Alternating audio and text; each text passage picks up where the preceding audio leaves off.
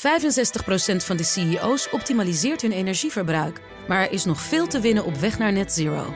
Meer weten? Ga naar pwc.nl slash netzero. Dit is een BNR podcast. Voor heel veel van die SW'ers is dat hun lust en hun leven, het werken. Het ging niet zozeer om het geld, maar men, men, men had, zeker voor de mensen die op, op een hele grote afstand stonden en, en beschut werk deden, eh, was het een pretje om iedere dag naar het werk te gaan. En, en dat viel, althans, dat risico viel weg. En laat ik zo zeggen, eh, ik kon van de mensen niet verwachten dat, dat ze zouden doorgronden wat dit nou voor hen zou betekenen. Dus de eerste primaire reactie was: oh, we zijn onze baan kwijt. Niet elk ondernemersavontuur eindigt met een notering in de quote 500. Niet elk bedrijf overleeft een flinke crisis. Niet elke onderneming weet het financiële spel goed te spelen. En als alles misgaat, als de chaos regeert en schuldeisers aan de poort rammelen, dan breekt het tijdperk van de curator aan. In deze serie praten mijn collega Elisa Hermanides en ik, Thomas van Zel, over onvergetelijke faillissementen met de puinruimers van het bedrijfsleven. Dit is onder curatoren. En Elisa, de sociale werkvoorziening of sociale werkplaats, inmiddels iets uit het verleden. Heb je daar een beeld bij? Ja, ik ben er nooit geweest hoor, maar ik zie een soort fabriekshal vormen waar mensen met bijvoorbeeld, uh, ja, met eigenlijk altijd een afstand tot de arbeidsmarkt in hun eigen tempo uh, kerstpakketten inpakken of spullen in elkaar zetten. Allemaal vrij eenvoudige werkzaamheden. Ja, eigenlijk een soort dagbesteding voor mensen die vanwege psychische of fysieke beperkingen geen ander werk kunnen doen. Bestaat volgens mij al sinds de jaren 60. En ja, deze mensen kregen daar ook een salaris voor. In 2015 veranderde wel het een en ander, want de politiek leefde destijds in de veronderstelling dat die mensen ook wel een plek konden vinden elders in het bedrijfsleven. En, en de vraag is wel, ja, is dat gelukt? Ja, en ik vraag me soms zelfs af of eigenlijk die sociale werkplaatsen echt helemaal zijn verdwenen. Officieel bestaan ze niet meer, maar ja, ik denk dat misschien onze gast van vandaag daar wel meer over kan zeggen. En dat is Hubert Savelkoel partner en curator bij advocatenkantoor Adelmeijer Hoying. Van harte welkom. Dankjewel. Uh, zijn er nog sociale werkplaatsen, al mogen ze niet meer zo heten? Uh, nou, op dit moment zijn er zeker nog uh, sociale werkplaatsen. Althans, plaatsen waar SW'ers hun werk kunnen doen met een afstand tot de arbeidsmarkt. Met name een hele grote afstand tot de arbeidsmarkt. Dus er is wel nog, daar wordt wel nog in voorzien op dit moment. Maar dat gebeurt vooral binnen gemeentelijk niveau en niet zoals we dat bij Licom gezien hebben, dat dat in een apart onderbedrijf ondergebracht wordt. Ja, want het gaat vandaag inderdaad over Licom, een sociale werkvoorziening in Limburg. Uh, Licom was toen de tijd de grootste verschaffer van sociaal werk in het land. Uh, er werkten iets van 4000 mensen. Ja, er werkten 4050 uh, SW'ers en 187 uh, mensen die gewoon in dienst waren. Die noemden wij CAO'ers. Oké, dus ja. dat zijn de mensen die geen beperking hebben. Precies, en de mensen ja. die eigenlijk ondersteunend werken aan het, uh, tot het werk toeleiden van de SW'ers. En moesten die mensen die daar werkten dan ook een bepaalde indicatie hebben om daar te kunnen werken? Ja, uh, om in aanmerking te komen uh, als SW'er moest je een SW-indicatie hebben. En die, die werd verleend. En vervolgens uh, werd er gekeken of er een werkplek voor je was in een, in een werkvoorzieningschap. en, en, en dat ging dan via het werkvoorzieningschap dat uiteindelijk je plaatste bij Licom. Dus op het moment dat er een plek was bij Licom, uh, kreeg je een plek om daar te gaan werken. Werd je aangenomen door het WZL. Uh, dat was dus het werkvoorzieningschap dat eigenlijk als formeel werkgever functioneerde voor die betreffende SW'er. WOZL, waarvan was dat de afkorting? Uh, werkvoorzieningschap Oostelijk Zuid-Limburg. Oké, okay. en Licom is opgericht door elf gemeenten in het zuiden van het ja. land. En dat was al in 1996. Ja. En dat was dus helemaal eigenlijk om die uitvoering van dit werk te gaan regelen. Ja, ja je had dus enerzijds had je het werkvoorzieningschap en anderzijds had je, uh, bood de, de WSW de mogelijkheid uh, dat de gemeentes een, uh, een private rechtspersoon oprichten waarmee dat werk werd uitgevoerd. En daar heeft men dus gebruik van gemaakt door, het Licom, door Licom NV op te richten. En Licom ging dus vervolgens aan de slag met het daadwerkelijk de werkstellen van die, van die SW'ers. Ja, en waarom gebeurde dat dan gewoon niet binnen dat WOZL? Nou, dat was een beetje de trend in de, in de jaren negentig. Dat men uh, dacht van dat men daarmee wat, wat commerciëler kon maken. En door een wat grotere afstand naar de overheid te creëren, dat er een soort commercieel bedrijf zou kunnen ontstaan. Oké, okay, nou, een commercieel bedrijf, maar toch neem ik aan wel met een flinke financiering vanuit ja, de overheid. Zeker, zeker. Uh, je moet je het zo voorstellen. Eigenlijk had, had Licom twee inkomstenstromen. Dat was aan de ene kant uh, was dat zeg maar de rijksbijdrage voor de verminderde arbeidscapaciteit. Uh, dat was dus eigenlijk de WSW-subsidie. Aan de andere kant moest men zelf inkomen genereren met de activiteiten. En als je nou kijkt naar de jaarlijkse omzet, dan zie je dus dat twee derde rijkssubsidie is en een derde is gewoon externe omzet die gegenereerd wordt. Uh, met de betreffende medewerkers die, die daarvoor ingezet zijn. Ja, bijvoorbeeld door, hè, ik had het natuurlijk net over spullen die in elkaar worden gezet in een fabriekshal. Er werden ook dingen uh, verkocht of uh, diensten geleverd. Diensten geleverd, schoonmaken, groen, ICT-diensten, arbeidsdiensten. Het was echt een, een heel conglomeraat aan, aan bedrijven dat is opgericht om die mensen echt aan het werk te houden. Ja, wel iets van 13 uh, ja. vennootschappen uiteindelijk. Nou, de, de, laat ik zo zeggen, een, een, een tiental business units en een viertal dochtervennootschappen. Oké. Ja. En um, hoe was dat dan verdeeld? Want je hebt natuurlijk allerlei gradaties ook van hoe goed mensen nog zijn ja. in het werk wat ze kunnen doen. Ja, dat klopt. Uh, je had binnen Licom uh, een aantal business units uh, die eigenlijk zich richten op het beschutte werk. En dat was bijvoorbeeld topwerk. Uh, die hield zich onder andere bezig met het voorbeeld dat jij net gaf: het uh, inpakwerkzaamheden, kerstpakketten, dat soort zaken, of assemblagewerkzaamheden. Uh, je had een kwekerij waar SWR's te werk gesteld werden in, in, het kader van het kweken van planten, et cetera.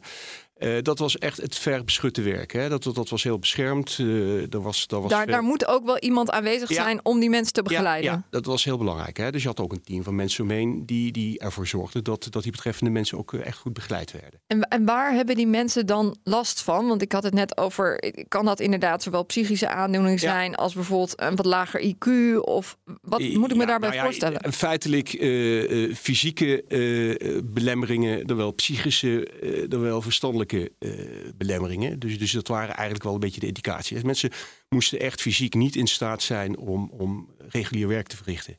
En dat ook alleen maar onder een echt onder begeleiding te kunnen doen op een goede afstand van de arbeidsmarkt. En er was zelfs ook een schoenenfabriek, heb ik maar laten ja, vertellen. Ja, goed, dat was, dat was dan. Uh, dat was niet het beschut werk, dat, dat was Emma Safety Shoes. Dat was een van de dochtervennootschappen. Dat was overigens een van de weinig uh, goed renderende onderdelen. Um, die Emma Safety Shoes is eigenlijk al in de jaren twintig ontstaan uit de mijnen. En, en, en met name zijn daar ook al in die tijd zijn er al ja, werknemers, oud-mijnwerkers neergezet. Ah, die, Emma uh, is natuurlijk ook de naam van ja, oude mijn. Emma is, precies. Uh, Emma is een van de staatsmijnen geweest in, uh, in voormalig Hoensbroek. dus, dus dat, dat ja, en daar is het uit, uit voortgevloeid. En uiteindelijk is dat onder, ja, onder de vlag van, van Licom terechtgekomen. En er werkten 95-tal uh, medewerkers werkten daar, met ook een aantal, uh, zoals wij dat noemen, CO's, reguliere werknemers die, uh, die dat, dat verder begeleiden. En goed renderend dus, zei je. Dat, is, dat is blijkbaar uitzonderlijk. Ja, nou ja, je kunt je de vraag stellen, wat is goed renderend? Want het blijft gesubsidieerde arbeid. Hè? Dus, dus de loonkosten zijn altijd lager dan bij een regulier bedrijf, maar uh, daarmee rekening houden. Oh, je moet die subsidie er eigenlijk aftrekken. Nou ja, dat, dat weet ik niet, want die mensen hebben ook een, verminderde verdiencapaciteit. Dus, dus wat dat betreft uh, moet je daar natuurlijk wel rekening mee houden. Maar ten opzichte van een regulier schoenenfabriek uh, is het zo dat natuurlijk de loonkosten lager lagen door de gesubsidieerde arbeid. Nou had je het er net over dat in de jaren negentig het idee werd... als je het maar iets verder van de overheid afzet... dan kan het misschien commercieel ook wat interessanter worden, zo'n sociale werkplaats... Ja. En als je kijkt dan naar Licom en hoe dat vanaf 1996 ging, uh, is dat dan inderdaad een commercieel succes geworden of eerder het omgekeerde? Uh, nou, laat ik zo zeggen. Uh, wat men natuurlijk gedaan heeft, is men is op zoek gegaan naar allerlei activiteiten. En dat heeft er ook voor gezorgd dat, dat, dat er allerlei dingen ontwikkeld werden. Hè. Dus het begon natuurlijk vooral met dat beschutte werk. Maar nadien heeft men er ook andere zaken bij gezocht. Als, als, een, als een postbedrijf, een, ICT-bedrijf, uh, een, een, schoonmaakbedrijf, et cetera. Dus, dus uh, als je het over de hele groep bekijkt, uh, is het geen commercieel succes geworden, omdat dat beschutte werk iets was waar altijd verlies op gemaakt werd. De rentabiliteit van dat soort onderdelen van de onderneming, die waren gewoon zo laag dat dat, dat heel verlieslatend was. Maar is dat dan omdat er gewoon zoveel geld bij moet? Of, of is het omdat de financiële huishouding niet op orde is? Of is het omdat bijvoorbeeld dat soort mensen zich ook heel vaak ziek melden en ja. niet komen? En... Nou ja, niet, dat, ja, omdat men, laat ik zo zeggen, een, een, een geld verdienen met mensen die een hele grote afstand hebben tot de arbeidsmarkt, dat is, dat is een heel lastig verhaal. Hè? En dat is ook niet, niet hè, dat, dat is iets wat, wat in de praktijk dus niet werkt. Omdat gewoon het rendement op die mensen en het verdienvermogen wat een derde partij bereid is om te betalen om daar diensten of werk neer te leggen, veel te laag is om, om ook daadwerkelijk te komen tot, ja, tot rendementen die, die tot, tot, tot soorten cijfers heeft het, heeft het in de geschiedenis van dit bedrijf ooit wel gewerkt? Want eind jaren 90, begin jaren 90 begonnen, 1996. Nou, dat toch een paar jaar volgehouden om te kijken hoe dat dan eventueel zou uitpakken. Ja, nou ja, we, hebben dat natuurlijk bekeken en, en vanaf 96, uh, eigenlijk tot en met uh, 2012, uh, is er per saldo nooit winst gemaakt. Uh, met die verstande dat er nog in 2007 is er een sale leaseback constructie geweest, waardoor er wel uh, enig buitengewone baten zijn gecreëerd, maar dat kun je dus niet toerekenen aan de. Van vastgoed gaat Van vastgoed, ja, ja, ja, ja. Maar voor de rest is eigenlijk de onderneming vanaf het begin van haar bestaan nooit echt, echt, echt, echt rendabel geweest. En zeker de laatste jaren niet in de verliezen liepen alleen maar op. Dus, uh, en wie dekte dan die verliezen? Nou, Iemand moet dat betalen. Ja, kijk, Licom was natuurlijk een, een, een vennootschap die was opgericht door, door het Wezen door de gemeentes. De gemeentes waren aandeelhouder en, en de gemeentes hebben natuurlijk ook die publieke taak om die SWR's te werk te stellen, hebben ze natuurlijk ook bij Licom neergelegd. Dus die verantwoordelijkheid werd er ook heel sterk gevoeld om dat financieel dan ook, laat ik zo zeggen, sluitend te houden. Dus al die verliezen zijn in de loop der jaren altijd gedekt door de gemeentes. En uiteindelijk. Maar dat hoeft dan, hè, als ik het even van een afstandje bekijk, dan hoeft dat eigenlijk geen probleem te zijn. Als, als je zegt van uh, het is onze publieke taak om uh, deze mensen aan het werk te zetten. En dat kost in de praktijk geld. Uh, dan kan je ook zeggen van nou ja, dat is dan zo. Maar op een gegeven moment is dit dus toch ergens ja. stuk gelopen. Ja, dat klopt. Ja, ja nou, het, het, hoeft inderdaad geen probleem te zijn, want men heeft het al die jaren gedaan. Uh, tot en met 2011. In 2011 is nog een verlies gedekt van, uh, van 9,2 miljoen. Totaal over die 15, 16 jaar is er iets van 53 miljoen euro aan, aan verliezen afgedekt. Uh, totdat de gemeentes eigenlijk een beetje een andere visie begonnen te krijgen. men vond dat men niet goed geïnformeerd werd de, door, door het bestuur van Licom. Men had de men had de indruk dat men geen kijk had op de financiële situatie daar. Dat er allerlei verplichtingen aangegaan waren die ja, laten we zo zeggen, tot, tot bodemloze putsituatie zou moeten leiden of kunnen leiden op het moment dat de gemeenten zouden moeten bijspringen. Uh, en daarnaast, en dat is eigenlijk, ik denk wel het belangrijkste punt, is dat, dat men steeds meer begon te vinden dat, zeker wat het beschutte werk betrof, uh, dat meer aan de gemeentes teruggetrokken moest worden. Dat de gemeentes meer daar invloed op zouden moeten hebben en dat niet zouden moeten overlaten aan een privaat bedrijf. Dus eigenlijk was dat weer een ander politieke denkrichting die men in was geslagen. Ja, ja, want het waren natuurlijk diezelfde gemeenten die dat in eerste instantie enigszins op afstand hadden gezet. Ja, zeker. Ja, ja. En hoe kwam dit op jouw pad, Licom? Uh, hoe kwam dit op mijn pad? Uh, op, even uit mijn hoofd, op 28 september uh, werd mijn kantoorgenoot Frits Udo werd, werd gebeld. In 2012 was In 2012, ja. ja. Uh, en werd hem gevraagd of het hem vrij stond om uh, als bewindvoerder op te treden. Want men had de surseance aangevraagd. Die was voorlopig verleend, zoals dat altijd gaat. en dat stond hem vrij. en toen zijn we eigenlijk van mede van samen gestart in, in die surseance. Uh, de surseance die heeft, zoals jullie hebben kunnen lezen, 3,5 weken geduurd. Daarna is faillissement uitgesproken. En toen zijn wij beiden de, tot curator aangesteld. En um, ja, dan weet je natuurlijk niet meteen hoe zo'n organisatie helemaal in elkaar zit, toch? Nee. Of had je dit faillissement uh, wel een beetje zien aankomen? Nee, je, je nam, vernam natuurlijk wel uit de krant dat er wat, zo nu nog wel wat gerommel was. Maar dat dit er aankwam, dat, dat kwam als, althans voor mij, als donderslag bij helder hemel. En wat ga je dan doen? Ja, wat ga je dan doen? Uh, wat je als eerste gaat doen is afspraak maken met het bestuur. Hè? Want een surseance werkt zo dat je samen met het bestuur optrekt. Hè? Je, je, hebt als bewindvoerder niet de volledige vrijheid zoals je als curator hebt. Uh, dus je zult samen met het bestuur je moeten besluiten hoe gaan we verder. En het is beginsel gericht op, op continuïteit. De bedoeling is dat je uiteindelijk de, de crediteuren kunt bevredigen. Uh, met, met al dan niet een percentage, met volledige betaling of wat dan ook. Dus dat vooruitzicht moest er wel bestaan. Dus wat wij gedaan hebben is uh, met het bestuur gesproken. En uh, ja, die hebben ons natuurlijk uh, volledig ingelicht van hoe het nou zover gekomen was. En daaruit bleek eigenlijk meteen al dat er daags tevoren een algemene aandeelhoudersvergadering was geweest van LICOM. waar de gemeentes ook bij waren. En waarbij de gemeenten nadrukkelijk hebben aangegeven dat ze niet bereid waren om de verliezen over 2012 af te dekken. En afhankelijk waren die begroot op 7,2 miljoen, maar door een bepaalde transitiepot die niet vrij kwam, werd dat 9 miljoen.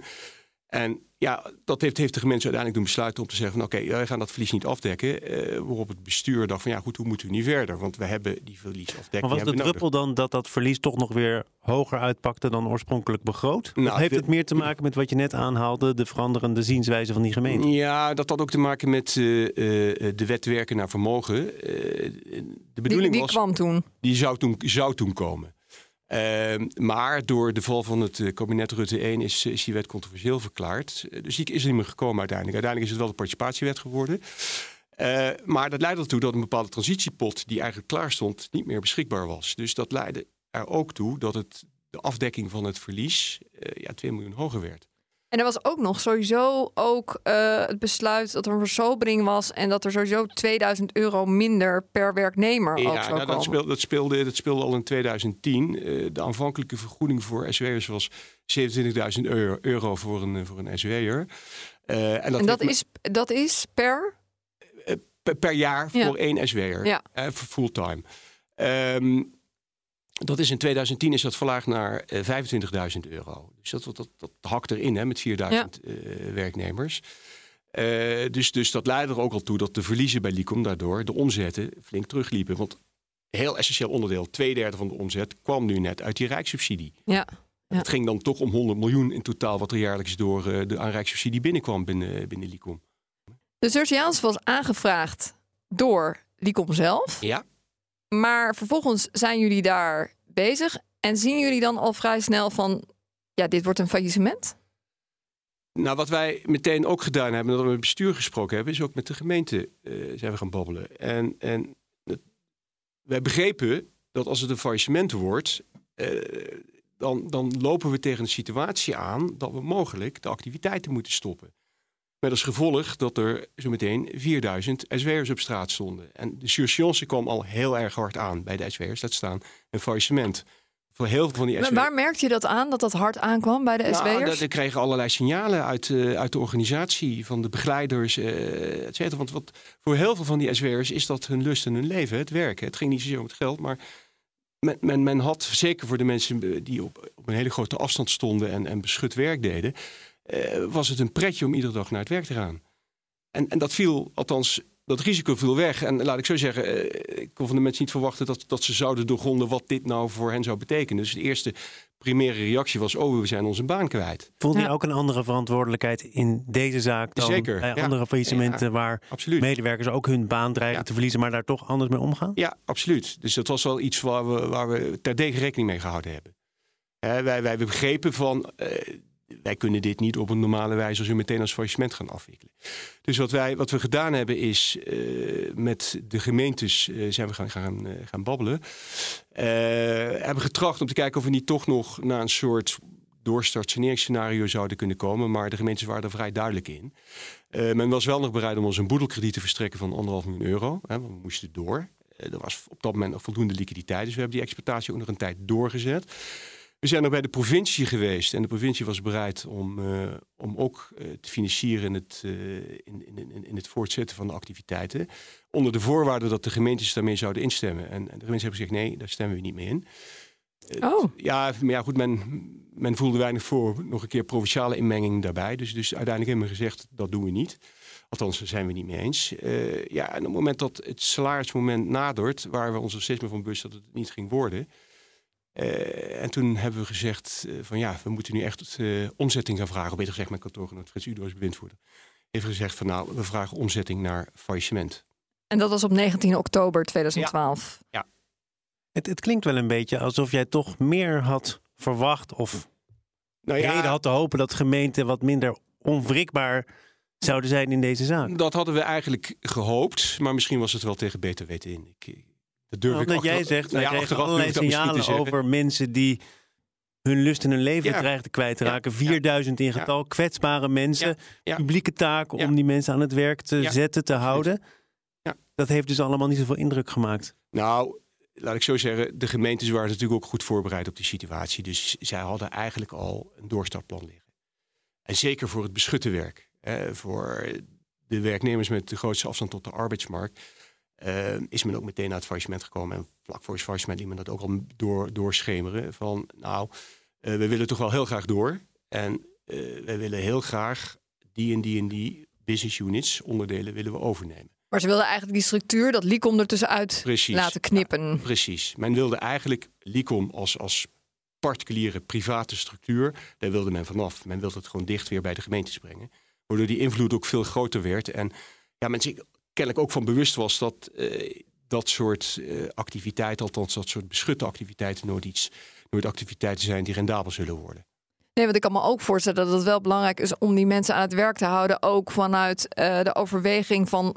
Ja, het kan ook zijn dat je GGZ anders straks volloopt met allerlei mensen die niks meer te doen hebben. Hè? Zou kunnen, ja. ja. Um, maar dat is toch wel eigenlijk snel gegaan. Als 19 oktober was er het faillissement. En op 27 oktober was al de overdracht van dat beschut werk.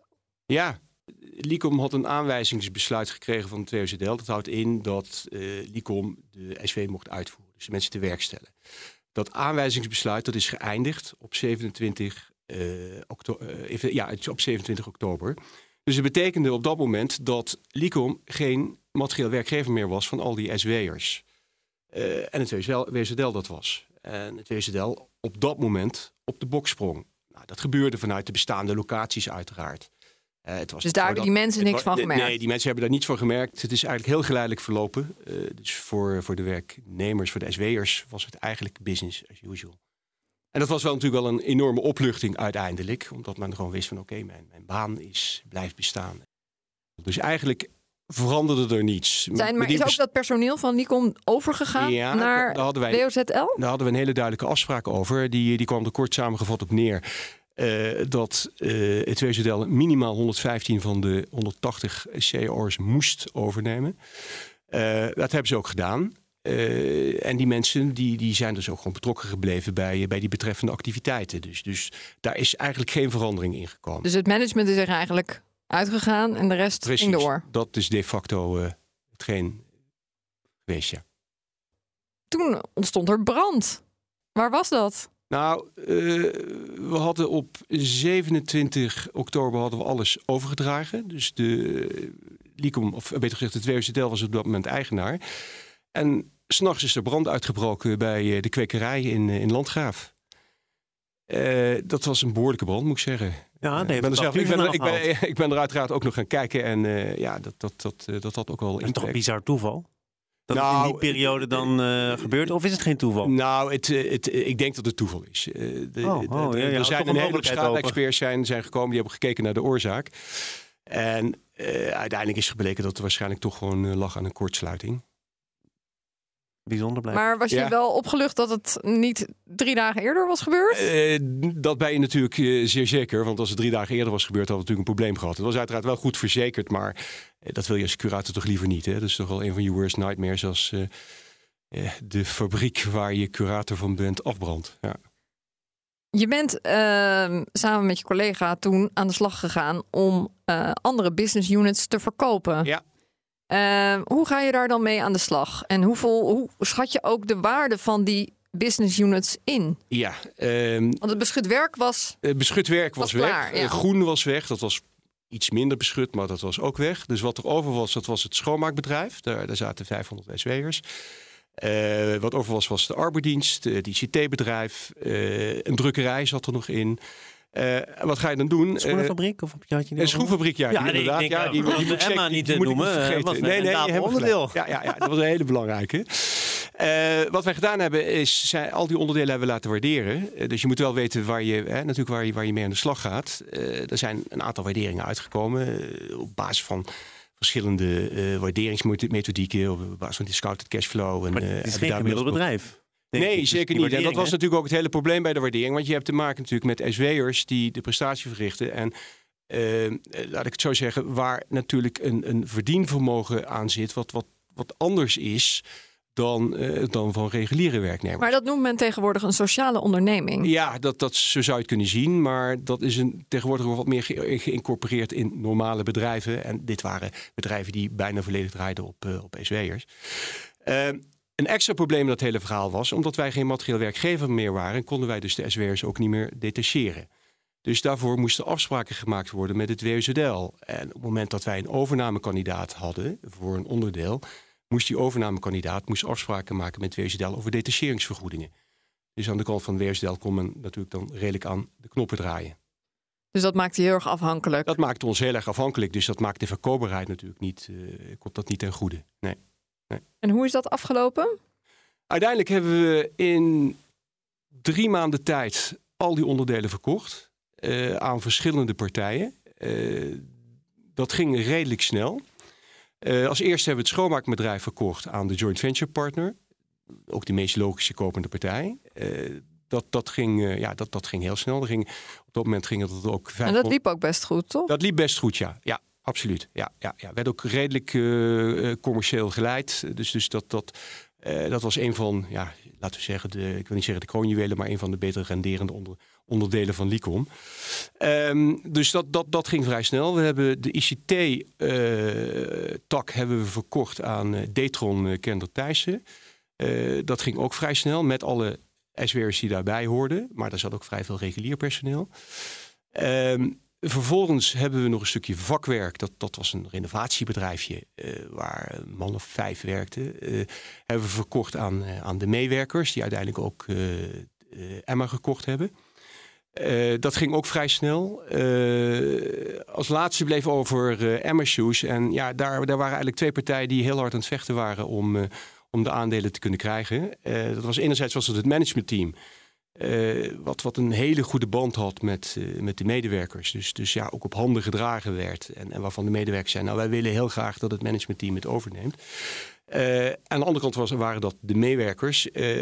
dus ja, daar hebben we uiteindelijk een keuze in moeten maken. Naar heel veel onderhandelen en, en rekenen. En het bleek toch dat, dat meewerkers op dat moment de betere partij was, ook het betere bod had en, en ook tot, tot goede afspraken kwam met, met WOZL. Want dat was ook een eis van WOZL dat partijen die. Maar wel jammer toch? Dat het management nou, ja, was dat niet over nadien, kon nemen? Nadien is het management heel nauw betrokken bij de organisatie, wat ik begrepen heb. Dus, Die zijn dus, niet uh, boos nee, nee, nee, nee, opgestapt? Nee, nee, zeker niet. Nee, nee. Um, uiteindelijk hebben jij en je collega de elf gemeenten ook aansprakelijk gesteld voor het faillissement. Waarom? Nou, dat dat is eigenlijk pas later gebeurd. Um, je doet natuurlijk een rechtmatigheidsonderzoek als curator. Je kijkt naar alle, alle betrokkenen die, uh, ja, laat ik zo zeggen, die, uh, die enige invloed gehad hebben op, uh, op, op de gang van zaken in het faillissement. Beter gezegd, voorafgaand aan het faillissement. En wat bleek was dat de gemeente eigenlijk in het jaar van het faillissement eigenlijk toegezegd had om de tekorten te zullen afdekken. Ja, oh. Dat in ieder geval een bedrag van 7,2 miljoen het moment dat de begroting gepresenteerd werd in februari 2012, bleek daaruit een tekort van 7 miljoen. En toen is volmondig door de gemeente gezegd, nou oké, dat dekken wij af. Daar is men op teruggekomen loop jaar. En dan dacht van, oh, we weten niet wat, uh, wat hier nog meer voor financiële verplichtingen ons afgekomen, et cetera. Dus, maar daar hebben ze dus aan gehouden, dat was één. Uh, ten tweede vonden wij dat ja, als je zo lang, vanaf 1996, uh, eh, een private partij de opdracht geeft om de sociale werkvoorziening uit te voeren weet dat dat niet renderend te maken is, jarenlang die tekorten uh, aanvult, uh, dus ook de hele publieke taak bij die private instelling neerlegt, dan vinden wij ook dat je niet van de een op de andere dag kunt zeggen van we stoppen ermee. Ze waren ook voor een groot deel de afnemer natuurlijk van al die ja, diensten, zeker, toch? maar dat verschillende relaties met, met Licom. Men was niet alleen maar aandeelhouder, maar men was ook afnemer van een hele hoop diensten. Bijvoorbeeld schoonmaak, groenvoorziening, catering, eh, portiersfuncties, eh, ICT, eh, wat een hele grote positie binnen de gemeente is. Dat is eigenlijk één grote gemeentelijke kluwe waar een privaat bedrijf ja. in verschrikt zat, als het ware. Ja, ja, ja, maar goed, dat, dat, is, dat was niet speciaal iets voor Licom hoor. Dat geldt voor eigenlijk voor alle werkvoorzieningen. De gemeente heeft zich natuurlijk uiteindelijk ook niet teruggetrokken. Nee. Alleen dat construct is er tussenuit. Juist dat is in feite wat er gebeurd is. En men heeft overgenomen waarvan men dacht van oké, dit, dit willen we graag onder de, eh, de bescherming van de gemeente brengen. En wat men, waarvan men dacht van oké, dat kon op eigen benen staan, dat heeft men achtergelaten en dat hebben wij verkocht. Ja. En toen dachten jullie, ja, we willen er toch wel een punt van maken. Van hoe dat gegaan is. Ja, dat, uh, dat, dat hebben we zeker gedacht. Want er was een tekort op dat moment. Hè. We zagen toch Hoe groot was het tekort? Uh, het tekort uiteindelijk, want de gemeente pretendeerde zelf nog een vordering te hebben van rond, uh, even uit mijn hoofd, 22 miljoen. maar goed, rond die orde van grootte zal het geweest zijn. plus nog een gegeven moment de reguliere crediteuren zat je rond de 25 miljoen ongeveer. En dat was dus een heel aanzienlijk bedrag.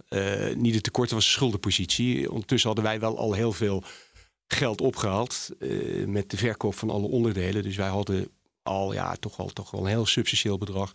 Uh, hadden we al in de boedel, rond de 22 miljoen euro. dus, dus ja, dat tekort uiteindelijk zat rond de, de, de, nou even uit mijn hoofd, rond de, de 10, 15 miljoen euro. Maar dan denk je toch van, um, misschien helpt het als die gemeenten ook hun eigen vordering misschien intrekken of daar wat minder moeilijk over doen. Ja, ja, dat was ook uiteindelijk onze insteek. We hebben ook niet geprocedeerd. Hè. We, zijn gewoon het, het gesprek aangegaan. Uh, en die, die gesprekken waren, waren uiteindelijk waren toch zeer constructief. Uh, daar hebben we een beetje vertrouwelijkheid over afgesproken. Dus dat, dat, daar kan ik niet te veel over vertellen. Maar het uiteindelijke resultaat, en dat staat ook in de verslagen. Uh, dat is, is dat, dat de gemeente bereid was om haar vordering die zij had in Licom achter te stellen. Dat was van 17 miljoen euro. Nou ja, eerst moest de vordering vastgesteld worden, hè, want die, die, die was volgens uh, de gemeente veel hoger. Dan volgens jullie. Dan volgens ons. Ja. Nou, uiteindelijk hebben we de vordering vastgesteld op een bedrag van circa 17,8 miljoen euro, even uit mijn hoofd. Uh, en de gemeentes waren bereid om die, om die vordering achter te stellen. Men had daarnaast ook nog een boedelvordering. Dat had te maken met het boedelkrediet moest terugbetaald worden. Stond ook niet ter discussie. Hè, maar de, zeg maar, de prefaillissementsvordering hebben we toen vastgesteld op eh, 17 miljoen, 17,8 miljoen. En die is toen achtergesteld. Daar was men bereid toe. Maar het gaat over serieuze bedragen. En jij gaat hier niet uit de school klappen, want je hebt vertrouwelijkheid afgesproken. Maar was dat alleen maar constructief of niet? Als de gemeente bereid is deze. Zeker, dat, jawel, dat, uiteindelijk was dat, was dat constructief. Ja, ja uiteindelijk. Ja. Nou ja, kijk, de, de, de, eh, laat ik zo zeggen, men, uh, men, men, men zag in dat dat de beste oplossing was voor alle betrokkenen. En dat heeft een prijs? En dat heeft een prijs, ja. ja. Dus wij hebben ook vervolgens afgezien van, van het verder aansprakelijk houden van de gemeente. Want het, ja, wij vonden dit een goede oplossing. Alle crediteuren zijn er uiteindelijk zeer goed, goed uitgekomen. En uiteindelijk heeft de gemeente ook nog rond de 10 miljoen euro teruggekregen van haar 17 miljoen. Dus het tekort wat uiteindelijk geleden is, uh, is ja, 7 miljoen minus 10. En dan heb je een uh, mooie overeenkomst. Ik uh, denk dat ik dat wel kan zeggen. Um, maakt het dan niet meer uit ja, dat er misschien bestuurlijk van alles mis is gegaan? Nou, daar hebben we natuurlijk naar gekeken. kijk, ja, punt 1, de tekorten zijn gedekt. Dus bestuursaansprakelijkheid is de facto niet meer aan de orde. Want ik hoef geen tekort meer af te dekken. Uh, we hebben natuurlijk ook naar de, rol van de bestuurders gekeken in de loop der jaren. En, en wat wij geconcludeerd hebben, is dat het gewoon heel erg moeilijk is om in zo'n setting ervoor te zorgen dat een onderneming renderend is. En ervoor te zorgen dat je ja, activiteiten op te starten die, die uh, ook meteen, uh, laat ik zo zeggen, opbrengsten opleveren die, die ervoor zorgen dat er geen tekorten ontstaan. dat stukje beschut, de, de, negatieve expectatie van was zo groot dat dat niet in te halen was. Maar er was, meen ik, wel ook een rapport van uh, Deloitte. En als je daar de samenvatting van leest, dan denk je toch van, want dat hebben wij uh, in handen. Ja. Uh, dan denk je toch van, wat een puinhoop, hoe kan dit? En moet iemand daar niet verantwoordelijkheid over afleggen? Ja, dat hebben wij ook gelezen, maar dat vonden wij, met alle andere verhalen die wij gehoord hadden, vonden we dat niet opportun. Um, hoe kijk je nu terug op dit faillissement? Ja, uh, een beetje dubbel eigenlijk. Uh, aan de ene kant eh, is het eindresultaat eigenlijk zo dat, dat iedereen gekregen heeft waar hij eigenlijk, eigenlijk op hoopte. De crediteuren zijn 100% betaald. WZL heeft haar doorstart kunnen maken. Alle werknemers zijn eigenlijk in dienst gebleven. Ook de CEO'ers hebben allemaal een baan gevonden bij de doorstarters. En wel bij het WZL. Uh, dus, dus wat dat betreft, het eindresultaat uh, is goed, maar het had ook anders kunnen aflopen. In de zin van dat, uh, dat er andere keuzes gemaakt waren. je moet maar hopen dat op het moment dat het faillissement aangevraagd wordt, dat dan ook er curatoren zijn die bereid zijn met je mee te gaan. Om die doorstart te faciliteren. Hetzelfde gaat hadden wij, maar goed, dat heb ik net ook al aangegeven, uh, hadden wij gezegd, ja, we gaan op zoek naar andere kopers. Dus Misschien leveren de Activa op zich wel meer op dan we van de gemeente krijgen. Je had eigenlijk niet in deze positie terecht willen komen. Er is een risico genomen nou met ja, er is, een kwetsbare groep. De, de, de facto is er wel ergens een risico genomen, wat uiteindelijk wel goed uitgepakt heeft. Ja, ja precies. Maar als het, het had eigenlijk het hele proces om eigenlijk die private structuur er tussenuit te knippen, dat had een stuk zorgvuldiger gekund zonder faillissement. Ja, dat had gekund. Dat is niet gebeurd. Nee. Maar jij bent weer een ervaringrijker in ieder geval. Ja, zeker, zeker. Dank Hubert Savelkoel, partner en curator bij Adelmeijer Hoying. Dit was Onder Curatoren. Wil je meer gesprekken horen met de puinruimers van het bedrijfsleven? Abonneer je dan via jouw eigen podcastkanaal of via de app van BNR. Luister vooral ook de vorige aflevering over de ondergang van het ziekenhuis van Dokkum, waarbij de medisch specialisten er niet slecht van afkwamen. Dankjewel voor het luisteren.